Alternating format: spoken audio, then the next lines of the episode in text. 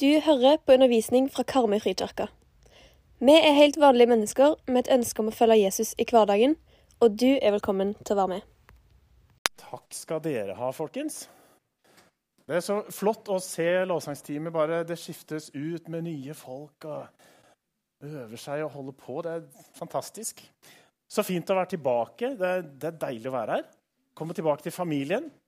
Eh, og så føler jeg liksom Nå har jeg vært vekke så lenge at jeg må si at mitt navn er Lars Øystein Folkedal. Jeg er pastor her. Selv om det ikke har sett sånn ut i høst, så, så er jeg fortsatt det. det er jeg glad for.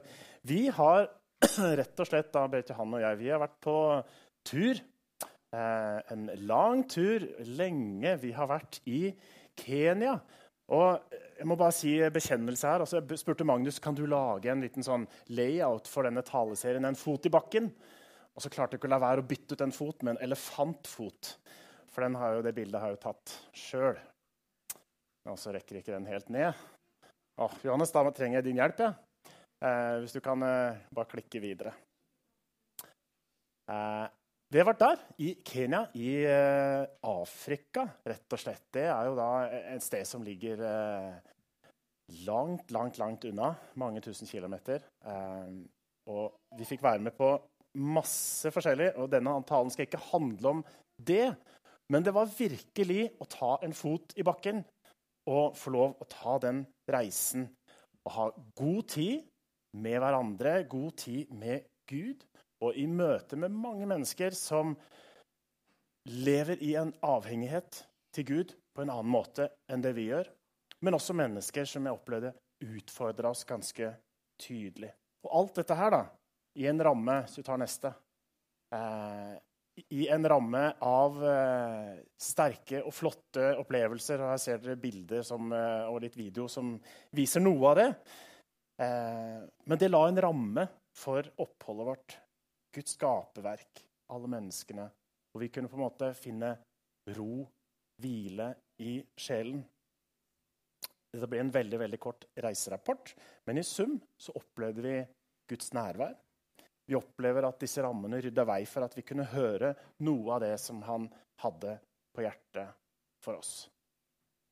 Eh, og Noe av det vil jeg dele, og det ene handler om oss begge to. Eh, og det er at vi ønsker å favne om den fasen av livet som vi er i nå. Eh, og Det hørtes litt sånn gammelt ut, og det er kanskje det derfor jeg er blitt 54 år. Eh, vi har ingen barn hjemme.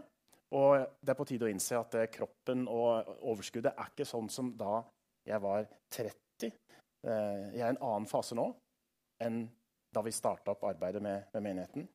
Og jeg tror det er viktig å ta det på alvor. Og en av mine viktigste oppgaver i årene framover det blir å finne noen som kan ta over en etterfølger for.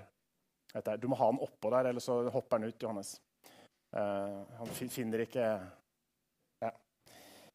Um, om det skjer om tre år eller om det skjer om ti år, det, det er ikke opp til uh, bare meg. Men jeg er kalt til å være hyrde for denne flokken her, og det kjenner jeg på en, en fornyelse ved. Og gleder meg i hjertet mitt over å få lov til det.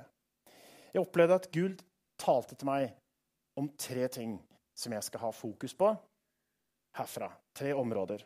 Og Det første av de, det har utgangspunkt i Dommerne 2.10.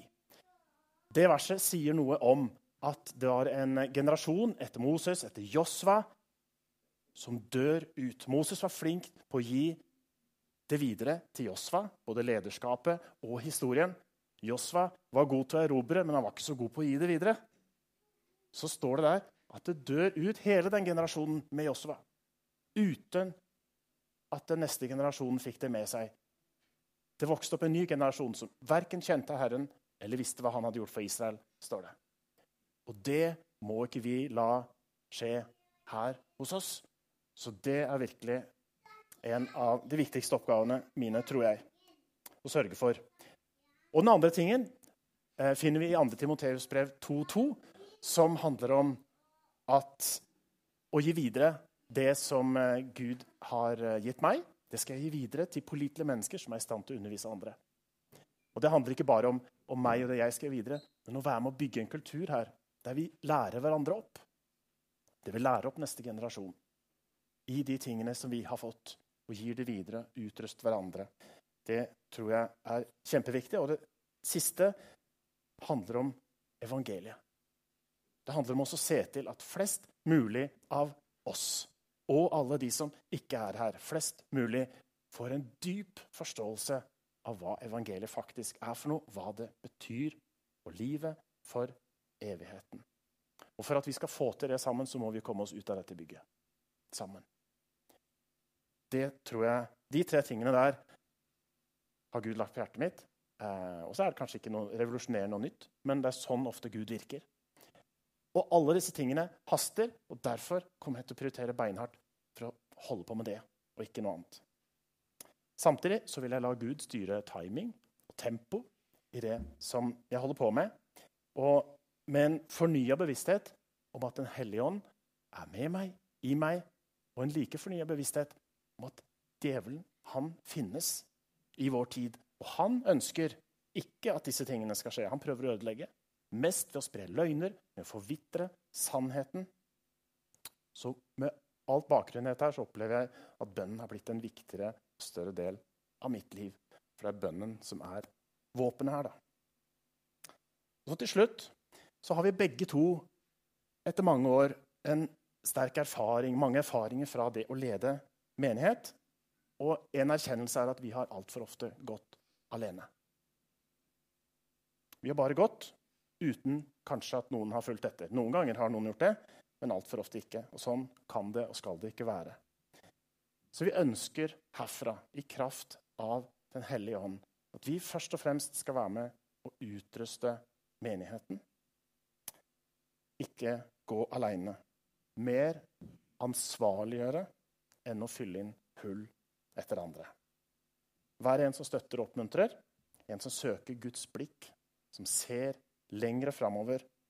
Og for min del så vil jeg gå fra å være administrator til å bli hyrde.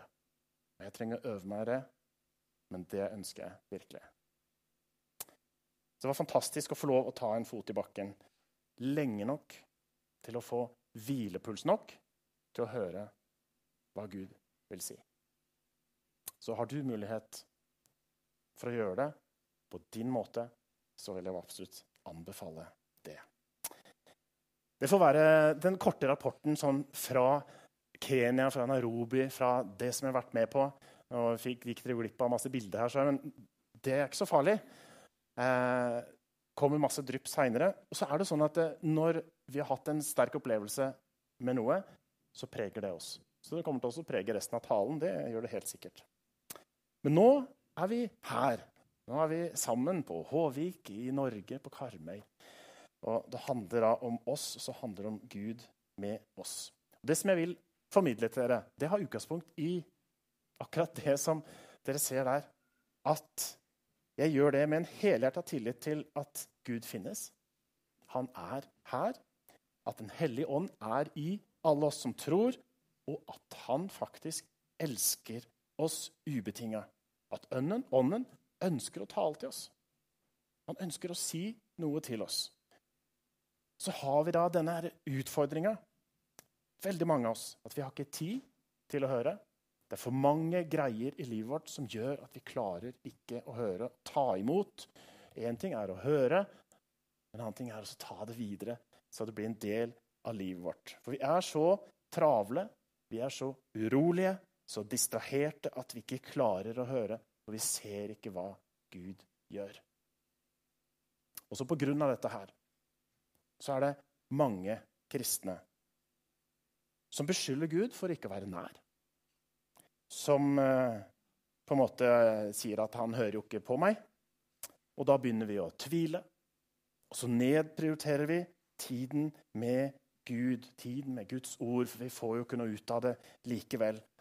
Og det hverdagslivet, da, sammen med han som er livet, han som har skapt livet, det hverdagslivet det blir utvanna, og så drifter vi sakte, men sikkert bort fra ham. Dette er en del av vår virkelighet i Norge. Det vil overraske meg veldig hvis ikke det gjelder oss her. Jeg kjenner det, De kreftene kjenner jeg på kroppen hver eneste dag. Men sannheten da, i Guds ord står liksom eh, fastspikra akkurat som en sånn steintavle fra Salme 46. Gud er alltid nær. Der står det. Gud er vår tilflukt, vår styrke, en hjelp i nød og alltid nær. Det er sannheten. Ikke følelsene våre, men det er sannheten. I vår hverdag. Han er hos alle sine barn som han elsker. Og Derfor så er det som jeg skal snakke om i dag, det er dypt alvorlig. Og jeg ønsker virkelig å ha en bønn om at det skal ta plass i hjertene våre, og meg selv inkludert. For jeg kjenner at dette jobber hardt i meg. Og Dette kommer ikke fra en fiks idé som jeg fikk i Kenya, eller fra noen bøker jeg har lest. Dette er noe som jeg opplever at Gud har jobba med meg i flere år. Og Det er en pågående kamp, og jeg tror at den kampen bare kan vinnes gjennom bønn. Så la oss ta en fot i bakken disse nærmeste ukene og ta imot det som Den hellige ånd sier til oss. Og innse at det å følge Jesus, det gjør vi sammen, for vi trenger virkelig hverandre. Um, før jeg starter på skikkelig, så skal du få et bilde å, å, å grunne på. Eh, og i helga så var vi på et, eh, et læringsnettverk eh, for 0 til 12, som dere vet at mange av oss er, er, med i. eller noen av oss er med i. Og der var det hun som er da Avana-general i Norge, Anne-Lene Otterøen. Hun delte et bilde som hun fikk fra Gud for en del år siden. Hun så et tre, og så så hun at det treet hadde frukter osv. Det var ikke hovedpoenget mitt i dag. Men hun så det at det på gresset under treet så ble på en måte hele livet hennes samla. Alt kaoset, alt rotet, all synd, skam, all bagasje, all skuffelse. Og så åpna det seg en sånn klaff. og nå er liksom, Det er jo et bilde. ikke sant? Åpnet seg en klaff hvor alt dette her ramla ned. Og der nede så så hun Gud og røttene. Og Så jobba Gud med det, og så ser dere hva han gjorde røttene om til. Han gjorde det om til et kors. Og på det korset, der er røttene, og det er det treet våre liv lever og vokser på. Og den tegninga er bare sånn som jeg tegna den når hun fortalte det. Så det er kunstnerisk frihet. Så la oss eh, be sammen. La oss være litt stille sammen. Du må gjerne lukke øynene hvis du finner det naturlig. Eller ha de oppe. Men ta og samle det som du har med deg hit i dag. Der du er i livet akkurat nå. Og så slipper du det ned i den der klaffen i den luka, sånn at du kan få rydda rommet og ta imot det som Gud vil gi. Kanskje er det masse kaostanker. La Gud ta seg av det, for han kan bruke alle våre erfaringer han kan tilgi all vår synd. Så la oss bare takke og være stille. Da har vi litt musikk mens vi er stille.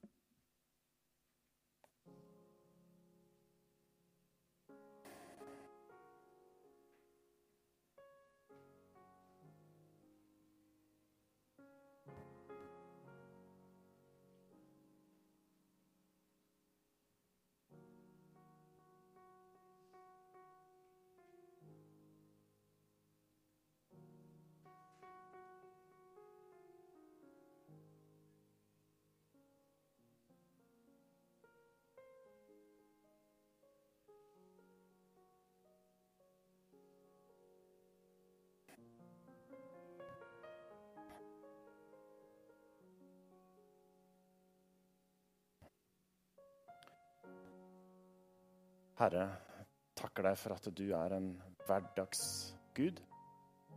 Ehm, takker deg for at du er til stede midt i livet. Og du ønsker at vi skal komme til deg med det livet vi har, så du kan få arbeide med oss.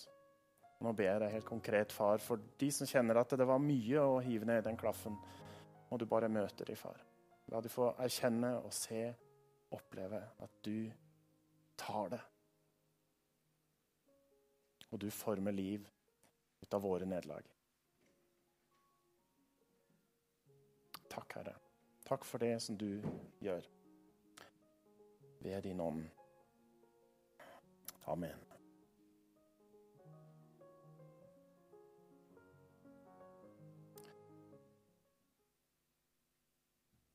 Bibelen er en mektig bok. Den tar mange, mange timer å lese opp. Den er fylt av løfter som sier noe om hva Gud har for oss. Dette er det livet jeg vil gi deg dersom du tror på meg og hører på det jeg sier. Eh, du skal få tre små steder som sier noe om hva er det Gud faktisk har for oss. Ikke som en sånn fjær framtidsvisjon, men han ønsker at vi skal ta del i dette her. I Jesaja 32 der står det Mitt folk skal bo på en fredelig boplass, i trygge hjem og på sikre hvilesteder. Og i Galaterne 5.: Åndens frukt er kjærlighet, glede, fred, overbærenhet, vennlighet, godhet, trofasthet, ydmykhet og selvbeherskelse. Det er frukter av den som har Den hellige ånd, og den har vi. Og så er det noen vers fra Salme 23. Herren er min hyrde. Jeg mangler ikke noe. Han lar meg ligge i grønne enger. Han leder meg til vann der jeg finner hvile. Om jeg enn skulle vandre i dødsskyggens dal, frykter jeg ikke noe ondt. Det som vi leste nå, hvor er du hen i forhold til det? Hvor er du hen i forhold til fred, glede, tillit til Gud i frykten? Jeg tror at det å, å gjenta sannheter er knallviktig. Fordi at løgnens far, som heter djevelen, han ønsker å skygge for sannhetene. Og sannheten er at uansett hvordan du evaluerer ditt liv, så er du Guds elskede barn. Du er elska, og du er ønska. Og så sier jeg det, har du hørt det mange ganger, kanskje? Da sier jeg det en gang til, og så kan du tenke at det gjelder deg. Du er elska. Du er ønska. I Guds rike og i dette fellesskapet. Sammen så tror vi at vi har en evig far som ønsker å ta oss i sine armer og løfte oss opp og vise oss alt det som han har gjort klart for oss, som vi kan få lov å gå inn i. Det er sannhet. Og Så håper jeg at resten av det som du får høre fra meg i dag, at du plasserer det der og viser bort anklagene som løgnens far ønsker å, å gi oss. En fot i bakken. Jeg vet ikke hva du tenker på når du hører det, men det, det er temaet vårt i de nærmeste ukene. Det betyr kanskje da å ta en liten pause. Gjøre opp status på, på livet. Ekte, ærlig og sant. Forsøk på å gjemme sannheten vekk fører bare til at, han, ut, at du utsetter det som er virkelig. For sannheten det kan være fristende, den er ofte irriterende, litt plagsom noen ganger. Men det er helt nødvendig at den kommer fram. Så nå det er bare spennende sikkerhetsbeltene. Jeg har lyst til å invitere deg inn med noen spørsmål. Og så vil jeg at du skal gå inn i de spørsmålene med ærlighet og med erkjennelse av hva som er sant om, om ditt liv. Og du skal slippe å fortelle om dette her til noen. Da ser vi på spørsmålene. Hvor er du i livet akkurat nå? Hvordan er det med fred, med hvile for din sjel, med glede? Og hvordan eh, står det til med selvbeherskelsen? Hvordan syns du tempoet i ditt liv er? Har du tid til det du vil ha tid til i ditt liv? Og hvis noen snakker om daglig tid med Jesus, bønneliv, studere Guds ord eller lytte til Den hellige ånd, hva er dine tanker og følelser som du får når du hører om det? Og hvis noen spør deg om du kan bidra med noe, er det sånn at du som regel svarer at det er nei, det er så travelt, og jeg har ikke tid, eh, eller jeg har ikke ork, jeg orker ikke mer? Og kanskje dette ordet som heter overskudd, er det noe du bare har lest om på nettet? Eller husker du hvordan det er å ha skikkelig overskudd? Med god tid, med glede i hverdagen og med nok krefter. Dette er svære spørsmål og som kanskje møter noen her sterkere enn andre. Det er ingen fordømmelse i det, men det er et ønske om at vi skal ta noe herfra og videre. Og så er det mulig å gjøre noe med de. Og jeg hører vitnesbyrd om at det skjer. For dette er noe som er i ferd med å våkne i Guds folk med helt vanlige mennesker. Små skritt i tro, i tillit til Gud og i trofasthet til de tiltakene, de planene, som du iverksetter over tid. Den som har vært med en stund her i fellesskapet, husker kanskje, og det håper jeg virkelig at dere gjør, at i våren 22, for eh, drøyt år siden, så snakka vi om noe av dette samme. Eh, vi snakka om det å leve enklere, leve saktere, det å ha stilletid med Gud. Og så snakket vi om noe så fremmed som sabbat. Og jeg veit at det var noen av oss som tok noen grep. Men jeg veit ikke så mye om hvordan det gikk med det. Kanskje gikk det over, kanskje ble det spist opp av hverdagen. Kanskje ble du motløs av akkurat det. Og så glemmer vi kanskje at hvis vi skal endre på vaner som stikker dypt i oss, så er det langsom og tidkrevende øving. I arbeidet så henviste vi til en bok som på norsk kunne hett noe sånt som 'Det brutale oppgjøret med vår travelhet'. Kanskje var det sånn at oppgjøret vårt da ikke var brutalt nok. Eller kanskje etablerte du noen gode vaner som har faktisk blitt værende. Jeg håper at uh, gjennom disse ukene her, på gruppene og her gjerne også, at noen er villig til å dele fra erfaringer. Dele oppturer, men også dele nedturer. For det tar oss videre sammen. Så tror jeg at uh, det er masse nåde i dette her. Og mange her har sett uh, sin sønn eller datter på 6-7 år spille sin første fotballkamp. Eh, jeg tror Gud ser litt sånn på oss. Det er ganske hjelpeløst. Eh, og så er det kanskje med et smil om munnen ikke sant? at du ser på dem når du springer rundt der. Men det er jo i nåde og kjærlighet. Og sånn ser Gud på oss også når vi prøver å gjøre ting for å være mer med Han. Så la oss gå sammen i det, og jeg har slett ikke lykkes i dette her heller. Ehm, vi skal se en klipp fra en samtale fra, eh, fra 1994 mellom en pastor som heter John Ortberg, og hans mentor som heter Dallas Wheeler. Så spør eh, det neste bildet. Så spør John Ortberg Du, mentoren min, hva trenger jeg for å leve et åndelig sunt liv? Det er et ganske bra spørsmål å stille når du først er på en mentorsamtale. Så blir det stille litt, og så svarer han Dallas Wheeler. Du må brutalt fjerne travelhet fra livet ditt. Og så noterer han, og så sier han ja, veldig bra, det er viktig. Yes. Neste. Så er det stille en stund til. Og så sier han det er ikke noe mer. Du må brutalt fjerne travelhet fra livet ditt. For travelhet er den store fienden av åndelig liv i vår tid. Og dette var i 94. Det er kanskje lenge siden. Men budskapet her har vist seg å ha profetisk kraft inn i vår tid. Hvordan livet leves i vår kultur. Og det er enda mer virkelig i dag. Eh, heldigvis er det mange kristne ledere som har begynt å forstå hva dette gjør med oss, hva det gjør med fellesskapene våre, hva det gjør med ekteskapene våre, familiene, vår relasjon til Gud og vår evne til å stole på Gud i alle ting.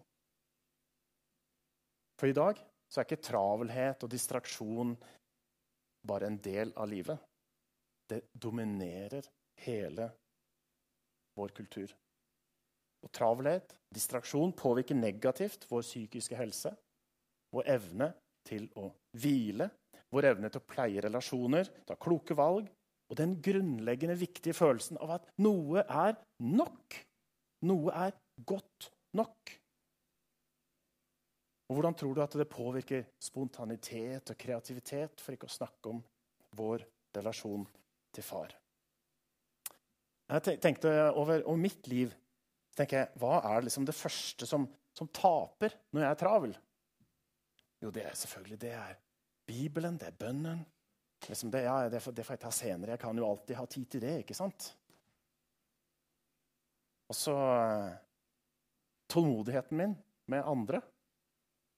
Når jeg er travel, så blir jeg den dårligste utgaven av meg sjøl. Mange av dere har møtt meg her på, i kirka, og jeg er ganske så Om ikke direkte utrivelig, så har jeg ikke, jeg har ikke tid til folk. Jeg er bare opptatt av å komme videre til neste punkt, for det er alltid noe viktig. ikke sant?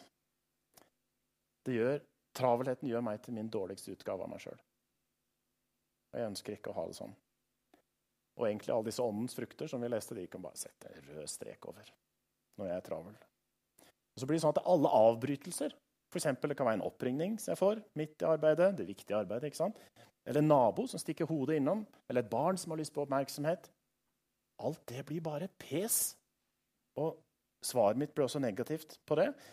Men det egentlig så er avbrytelsene gode muligheter. Men det ser jeg ikke. Det er gode muligheter til å vokse som menneske. Gode muligheter til å se hva Den hellige ånd faktisk gjør i min hverdag. Til å dele det kristne håpet med andre mennesker. Jeg vet ikke om du har tenkt over det, men Nesten alle undergjerningene som Jesus gjør, det gjør han pga. en avbrytelse. Bare tenk på dama som tar i kappen hans, osv. Det er mange som er det. Du skal få noen sitater her. Eh, Corrie ten Boom er mange som har hørt om. Sånn klok dame. Hun sier det, eller sa hvis djevelen ikke får deg til å synde, så vil han gjøre deg travel. Og den kjente psykologen Carl Jung han sa det, at travelhet er ikke av djevelen. Travelhet er djevelen. Også forfatteren av denne boka som jeg vist til, John Mark Homer, han sier dette. Kjærlighet, glede og fred er ikke kompatibelt med travelhet. Eh, og travelhet Når vi snakker om det ordet, da, husk at det er ikke det samme som å ha mye å gjøre. Du kan godt ha masse å gjøre uten å være travel. Det er noe med hvordan livet ditt er satt sammen. Det er noe som setter seg fast i ånd, i sjel og kropp. Og noen bruker det ordet hastesyke om travelhet. Og nå kan du få lov å stille diagnose på deg sjøl. For det, noen sånne hjerteleger de definerer det som en kontinuerlig kamp uopphørlig forsøk på å utrette eller oppnå flere og flere ting eller delta i flere og flere hendelser på mindre og kortere tid. Og De viktigste symptomene er irritabilitet, overfølsomhet, rastløshet, arbeidsnarkomani, følelsesmessig nummenhet, mangel på omsorg for kroppen din, behov for å rømme, og at dine åndelige vaner går i oppløsning. Og Litt sånn ubekrefta forskning av undertegnede viser at ca. 95% av nordmenn lider av astesyke. Så du er ikke aleine hvis du kjente deg igjen i dette her. Og så er det ikke bare min da tullete forskning, men kunnskap om dette her, det ligger både på det levde livet, som folk har sett på, og vitenskapelig forskning. For eksempel, så vet vi at vi er skapt med et begjær. Gud har skapt oss til det. Han vil at vi skal rette begjæret vårt mot han. Men legg merke til to av de ti bud som Gud har gitt oss for at vi skal leve i kjærlighet, glede og fred sammen med han. To av de budene handler om å kontrollere, strukturere dette begjæret. For bak travelheten ligger begjæret. Begjær etter noe mer. Det er alltid noe mer. For mer kommer aldri til å bli tilfredsstilt. Begjæret der får aldri nok. Det blir ikke stort nok, mange nok, fint nok, bra nok, pen nok blir du aldri. Flink nok blir du heller aldri. Mer får aldri nok. Mens den bibelske løsningen på dette, her, på dette evige begjæret, det er at det er bare én person, det er bare ett svar som oppfyller alt vårt begjær til all tid. Det er Jesus Kristus. Det er sant for oss, det er sant for alle de som bor rundt omkring, som ikke tror på ham, men som jager etter mer. Det er bare der vi finner den hvilen som vi trenger. Tror du vi har noe å dele med verden, eller? Jeg tror det er viktig når vi skal snakke om disse tingene her, at vi har et utgangspunkt der vi anerkjenner den kampen som vi står i. At vi anerkjenner at dette her er ikke bare enkelt å gjøre noe med. Det er ordentlig motstrøms. I Nehemjas bok så er jo det, handler den boka, se bildet der, om han som eh, bygger Jerusalems myrer opp igjen. Og Der står det beskrevet hvordan de arbeida med å Den halvparten av flokken brukte mørtel og eh, spader osv., mens den andre halvparten sto med våpen og holdt vakt. Og I den åndelige virkeligheten så betyr det at arbeid og bønn må gå hånd i hånd. Og i Efeserbrevet, kapittel 6, så kan vi lese Ta på Guds fulle rustning, så dere kan stå dere mot djevelens listige knep. For vår kamp er ikke mot kjøtt og blod, men mot makter og åndskrefter, mot verdens herskere i dette mørket, mot ondskapens ånde her i himmelrommet. Og legg merke til, det står ikke 'vokt dere mot regjeringen', 'vokt dere mot Human-Etisk Forbund' eller mot ateistene eller muslimene. Nei, det er ondskapens ånde her i himmelrommet. Fienden er djevelen, ikke folk. I Kenya så møtte vi ei fantastisk dame som heter Tracy Hagman. Og hun har gitt livet sitt til å gi verdighet til handikappede barn. Verdighet og et liv med Jesus. Og Hun sa det om denne kampen som hun også står i. Da kan vi se neste. Ganske barskt uttalelse. Hun sier det finnes to typer kristne. De som tror at de er på et cruiseskip, for alt skal bare bli så nice når vi tror på Gud. vet du. Og så er det de som har skjønt at de er på et krigsskip. Du kan få lov å tygge på den. Men vi står i en kamp, og den kjempes med bønn. Og Ved hjelp av det så kan vi endre rutiner og vi kan ta noen valg. Bønn og hvordan det virker, det er en hel taleserie alene. Jeg kan ikke si så mye om det, men Bibelen sier til oss be stadig. sier han. Be stadig. Bønn trenger å være en del av vårt åndedrett, av vår pust. Og Så kan vi undre oss på hvordan det kan skje ut. Det kan snakke om en annen gang. Men det må omkranse alt vi gjør. Og Jeg har lyst til å gi et eksempel fra, fra mitt eget liv. Ta f.eks. dette her med skjermbruk. Tid som vi bruker altfor mye tid til å se på skjerm. Og der har jeg også vært. Hvordan det kan stjele tida mi. Så er det fort gjort å tenke at det er et veldig sånn praktisk tiltak. at jeg, Ta vekk skjermtid. Ja, det skal jeg klare. Det er jo bare å gjøre det. Ikke sant? Og så tenkte jeg det, og så gikk jeg i gang og tok kvelertak på det. Lagde telefonen min til, om til en sånn der dumbphone og så bestemte meg for at nei, skal jeg ikke nå se på serier. Og sånn og sånn. Og var skikkelig, skikkelig klar for å ta den kampen. Og så bare etter noen måneder så måtte jeg bare se meg i speilet. og så, ja, Løffe, det, det står verre til enn det gjorde før du begynte med dette her. For jeg hadde på en måte glemt at djevelen er ikke interessert i at jeg skal få til dette her. Og så har jeg neglisjert bønnen som en del av den jobben, da. Men etter å ha tapt første runde så opplever jeg i dag, etter langsomt arbeid over mer tid, at jeg er på et bedre sted. da. Hvis det var noen som var øyeblikk bekymra over pastoren her, så er jeg på et bedre sted enn jeg var da. Men vi må ikke glemme at dette er en kamp mot det onde. Og han ønsker ikke at vi skal vinne. Så vi må lære av hverandre. Og nå, jeg, nå har du sittet og hørt på meg en stund her. Jeg vet ikke hvor du er hen i tankene dine. Kanskje treffer dette deg ganske dårlig. Kanskje kjenner du at nei, dette her, hvorfor sitter jeg og hører på dette her? Kanskje noen blir minnet om noe viktig og ønsker å ta tak i det. Begge deler er helt greit at du tenker. Eh, og hvis du tenker noe annet, så er det greit, det også. Men husk bare på når vi snakker om å ta et oppgjør med travelhet, så er det ved siden av å være den kampen vi må gå med bønnen i den ene hånda, så er det ikke noe mer du skal gjøre. Du skal gjøre mindre. Og det er ikke noe som koster penger, noe du må begynne med. Nei, det er faktisk over tid så tipper jeg at det vil være penger spart for deg.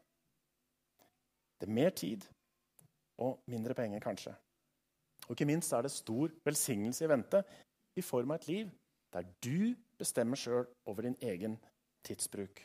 I tid, i tillit og i trofasthet. Og helt til slutt skal du få noen ting som det kan være verdt å tenke over. Noe du kan starte med. Og kanskje er det repetisjon for noen. Eh, kanskje får du høre noe som du bare rister på huet av, for det er liksom en sånn fjern verden. Men jeg har lyst til å utfordre deg likevel. Ja. Prøv noe av dette i noen uker og se hva gjør det med deg. Men det første er jo å ta en fot i bakken. Tenk over hvordan vil du egentlig ha det? Hvordan vil du egentlig at livet skal være? Spesielt med tanke på travelhet i forhold til din relasjon med Gud. Kanskje har du tenkt allerede at han som står her, han har ikke barn hjemme. Han veit ikke åssen det er å ha tenåringer eller småbarn som maser og som skal hit og dit. og alt mulig. Jeg har vært der. Jeg veit ganske mye om det. Men jeg tror det er utrolig viktig at vi alle tar den tanken. Hvordan vil vi ha det? Og allerede der, når du skal liksom tenke nå skal, jeg, nå skal vi sette oss ned og så skal vi tenke på dette her, allerede der møter du kanskje på motstand. Men ok, ta først kalenderen din. Den viktige kalenderen der det står alt det som du må gjøre. Eh, jeg har lyst til å bare fortelle en sånn sidehistorie der. fordi Therese, som eh, mange kjenner, som har lagt det fantastisk flotte rommet oppe, hvis ikke dere har sett det, hun har jo da en sønn på tre år, heter Peter. Og hun fortalte oss da vi var på læringsnettverket, at allerede nå så har hun fått så mange henvendelser fra idrettslag, fra menighet, fra alt mulig forskjellige ting som Peter må være med på. Det er jo så viktig. Han kan bli sånn og han kan bli sånn. Og hvis han ikke er med på det, ja, da går det vel kanskje ikke bra, da. Så de kunne allerede nå, som treåring, så kunne de vært spist opp av aktiviteter som han må. Så utfordringen her er hva ville det gjort med familielivet ditt hvis dere rydda vei for én eller to aktivitetsfrie dager i uka? Hva ville det gjort med familielivet hjemme? Bare en sånn liten bemerkning. Der skrev 'aktivitetsfri', så det fins ikke i Word. Så da måtte jeg legge det til i ordlista. Eh, det snakkes ikke om. OK, det var kalenderen. Og så var det denne her mobilen vår, da som eh, vi har et forhold til. ikke sant? Vi har et forhold til ektefellen og et forhold til mobilen. Eh, noen sier 'jeg slapper så godt av med mobilen'. sier de. Og forskningsmessig så er det en løgn. Den har ikke en avslapningseffekt, men har samme effekt som alkohol har. Så det kan jo virke på en måte. Det hjelper deg til ikke å tenke over livet, for livet kan være brysomt å tenke over så fyller den deg isteden med dette som kalles for dopaminer, og som gjør at du blir akkurat som i en rus. Det er det alkoholen gjør også. Så hvis du vil gå den veien, så på en måte der, sånn er det. Den hjelper deg ikke å slappe av. Så noen tre konkrete tips. Hva hadde du gjort med ditt liv hvis du skrudde av alle varslinger på mobilen din? Alle varslinger. All lyd, vibrasjon og synlighet. Så kan du tenke etterpå. Jo, ja, men jeg er jo lege. Eh, ok, Det er faktisk noen som dør hvis ikke jeg får beskjed om ja. Da er det kanskje noen du må skru på igjen. Men ikke flere enn det. Test ut. Um, hva hadde skjedd hvis du sletta alle apper på telefonen din som ikke har direkte nytteverdi? Uh -huh. Facebook, Instagram, og dere er så stille, vet du. Lurer på hva dere tenker. Er han helt fra ja, vettet? Ekstremist? Hva ville du gjort med søvnkvaliteten din hvis du hadde gjort soverommet til et mobilfri sone? Gått og lagt telefonen klokka ni, god natt av telefonen på et annet rom. Og så kjøper du en analog vekkerklokke. Jeg kjøpte den nettopp. 70 kroner på en butikk oppe i Oasen. Det er et godt alternativ. Men eh, mobilfri sone på soverommet. Test ut. Eh, og så dette med materialismen, det materielle i dette her. Noen syns at kanskje ordet 'brutal' det er liksom, Kan vi snakke om det i kirka? Brutalitet? Vi vil jo ikke ha det. Nei, det vil vi ikke ha. Men det er noe med å fjerne ting brutalt. Og det betyr at du kan ikke ta små justeringer. Det er ikke nok. Ehm, det vil kjennes, og det kommer til å synes. Og et brutalt råd som den samme Anne Lene Otterøen delte med oss forrige helg.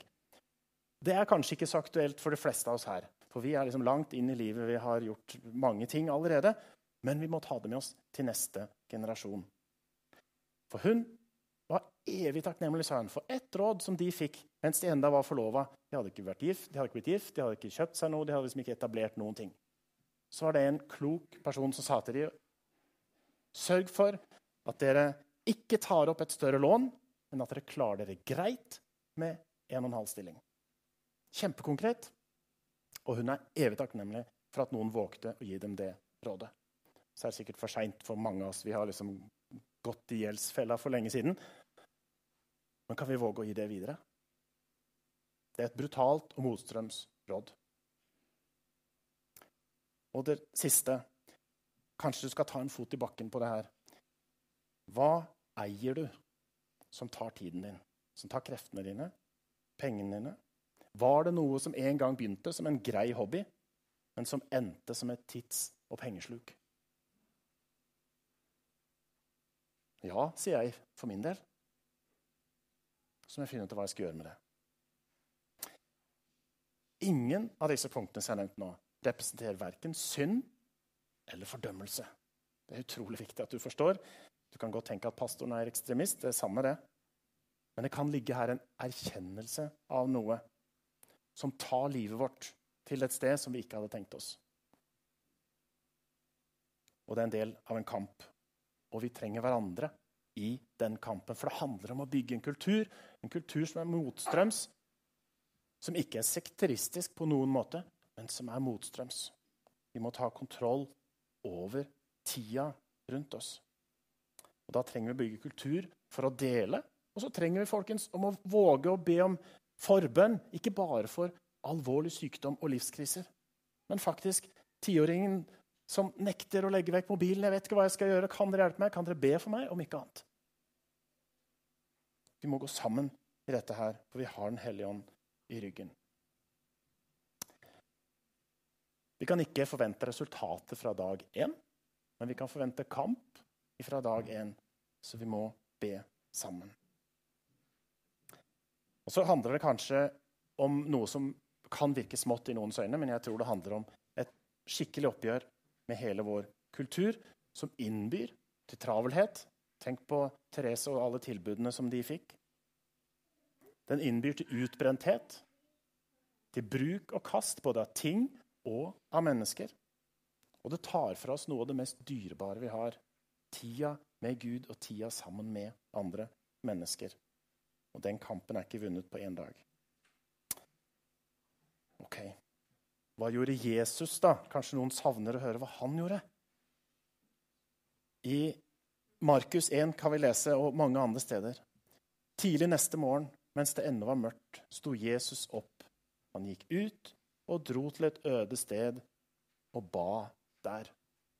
Jesus trengte det, men vi trenger vel ikke det? Eller hør? Jesus trengte det. Og så inviterer han oss inn i noe som ikke ligner så mye på mitt liv. I hvert fall jeg ønsker at det skal ligne mer. I Matteus 11.: Kom til meg, alle dere som strever og bærer tunge byrder, og jeg vil gi dere hvile. Ta mitt åk på dere og lær av meg, for jeg er mild og ydmyk av hjerte. Så skal dere finne hvile for deres sjel. For mitt åk er godt, og min byrde er lett. Og Johannes 14.: Fred etterlater jeg dere. Min fred gir jeg dere, ikke den fred som verden gir. La ikke hjertet bli grepet av angst og motløshet. Det er dette som Jesus kaller oss til å leve. Og travelhet og distraksjoner det tar oss bort fra det. Så må vi leve i oss i den tilliten at jo mer vi nærmer oss Han, jo mer får vi. Jo mer tar vi imot av dette her. Dette er praktisk teologi.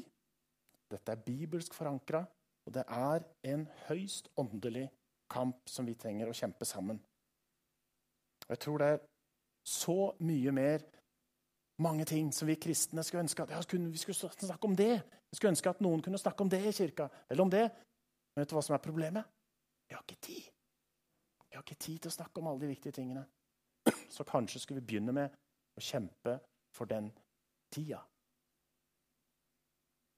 De neste ukene så ønsker vi å gi konkrete eh, løsninger eller verktøy som kan hjelpe oss til å gå ett skritt i den retningen. Og min hovedutfordring i dag til dere det er egentlig denne her. Ønsker du å fortsette å leve med travelheten i livet ditt? Er det så langt unna virkeligheten at du tenker allerede at det er totalt umulig å gjøre noe med? Eller ønsker du at vi sammen, med Guds hjelp, skal kunne gjøre noe med det? Så la oss starte med å ta en fot i bakken sammen. Kjære far. Gode Herre, Takk for at eh, det du sier, det er uendelig verdifullt. Og nå ber jeg deg om at det som du har sagt gjennom meg i dag At folk må ta vare på det i hjertene sine, i hodet sitt, i bevisstheten sin. Og så ber jeg deg her om at du må hjelpe oss ved din ånd, så vi ikke bare har hørt om det, så ikke vi bare har tenkt at ja, det er bra, det er rett, men at du hjelper oss og leder oss til å gjøre noe med det i våre liv. Sånn at vi kan være et folk som, har, som hører ditt ord, som hører deg, og som lar oss fylle med din ånd, så vi kan se mennesker rundt oss med dine øyne. Og som vi kan peke på deg, som representerer håpet, evigheten. Din guddommelige kjærlighet som rommer alle slags mennesker, med alle de utfordringene og variasjonene som er iblant oss. Herre, bare med din ånds hjelp så er det mulig. Hjelp oss, Herre. Hjelp oss så det kan skje.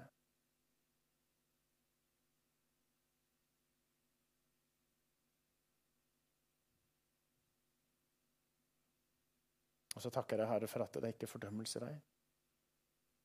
Jeg ber deg om at du viser spesiell omsorg for de som kjenner at det, det er mye å ta tak i. Takk at du elsker oss alle, Herre.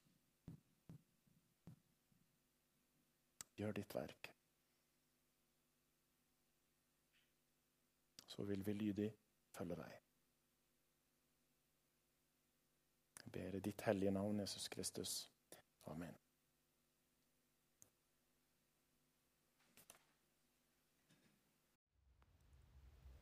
Takk for at du lyttet til oss i Karmøy Frikirke.